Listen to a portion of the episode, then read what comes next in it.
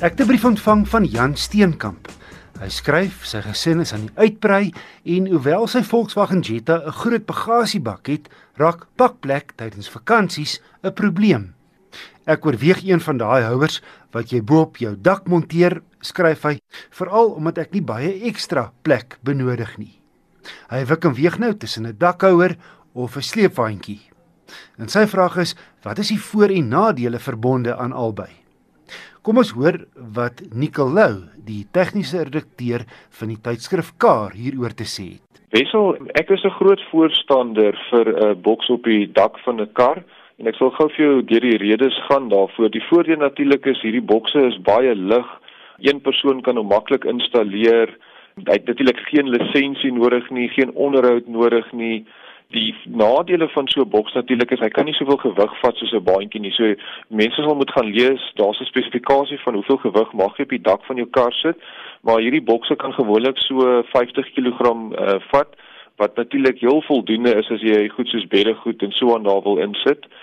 Dan natuurlik windgeraas kan miskien 'n negatiewe faktor wees as dit kom by 'n by 'n dakboks, maar ek moet sê die nuwe ontwerpe en veral as mens kyk na jou dierder produkte wat daar van Swede afkom, hulle is regtig al baie goed met windgeraas.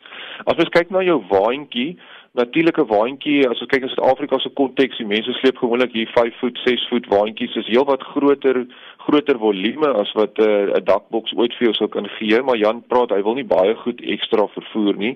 Ehm um, 'n waantjie kan eintlik heelwat meer gewig ook vat.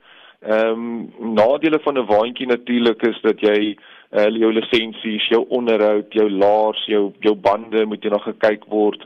Jy moet hom natuurlik erns stoor. Die dakboks is is lekker as jy hom afval, hy's lig, jy kan hom sommer in jou dak ophuis of aan die kant van jou garage neersit. Ja. Waantjie moet jy erns kan stoor.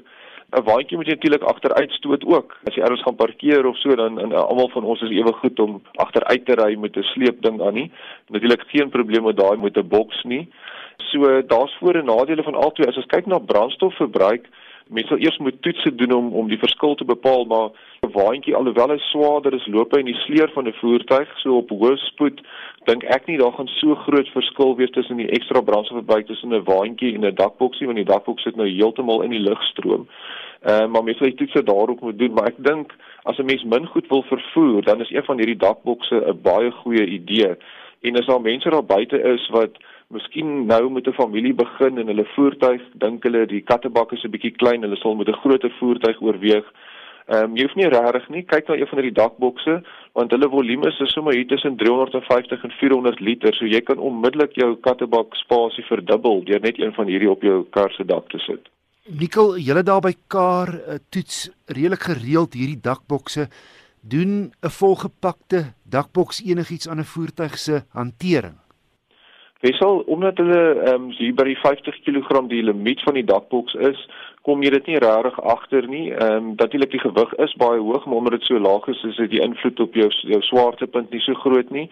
En soos ek sê, die nuwe ontwerp wat hulle doen, selfs met jou roofbars, dakrakke, is baie goed uh, met die windgeraas en so aan. So nee, ek dink daar's amper geen nadele uh, met die hantering definitief nie en as die windgeraas is min natuurlik daar is 'n bietjie ekstra brandstofverbruik weens die ekstra sleer wat die dak uh, boks veroorsaak. Maar het alle voertuie gleuwe of hegpunte vir 'n dakrak?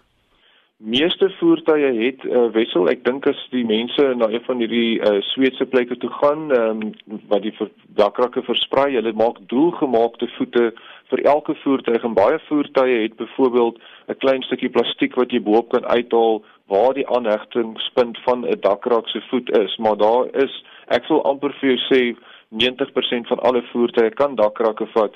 En natuurlik jy kry waarvoor jy betaal. As jy 'n baie goedkoop dakrak koop, dan kan jy maklik jou kar beskadig. Maar as jy gaan na een van hierdie duurder opsies toe, hulle is doelgemaak, hulle pas perfek. Ehm um, daar's natuurlik 'n rubber om al daai komponente, so daar's geen manier dat dit vir jou skade gaan veroorsaak nie. Daar's natuurlik een ding waarna ek kan dink, Nikkel, waarvoor mense moet oppas as jy 'n hoë voertuig het en dan 'n dakboks bo-op sit. Dis dat sekere parkeerplekke of hefbome jou by 'n winkelsentrum byvoorbeeld dat jy te hoog kan wees nie om daarin te gaan. Baie keer is die limiet iets soos 2.2 meter. Dis 100% korrek. Wessel toe daaroor praat, het ek hierdie prentjie in my kop van daai daai boks wat vashak. Uh, maar ek dink die ouens wat gewoond is aan om hulle fietsse ook bo op hulle dakke te sit, dit is definitief iets wat jy in gedagte moet hou en, en en nie moet vergeet nie. Miskien moet jy as jy nie is in in in die dakbokse, miskien vir jou iets op jou paneelbord sit net om vir jou te herinner jy het 'n dakboks op indien jy nou na 'n winkelsentrum toe gaan met een van hierdie lae dakke, maar in die meeste gevalle is daar genoeg spasie om om deur te kom. Nicolou die tegniese redakteur van Kar. Motornavraag kan aan my ge-e-pos word. Die adres is wissel@rsg.co.za. Volgende week weer 'n padtoets. Jeep se 5-deur Wrangler kom aan die beurt.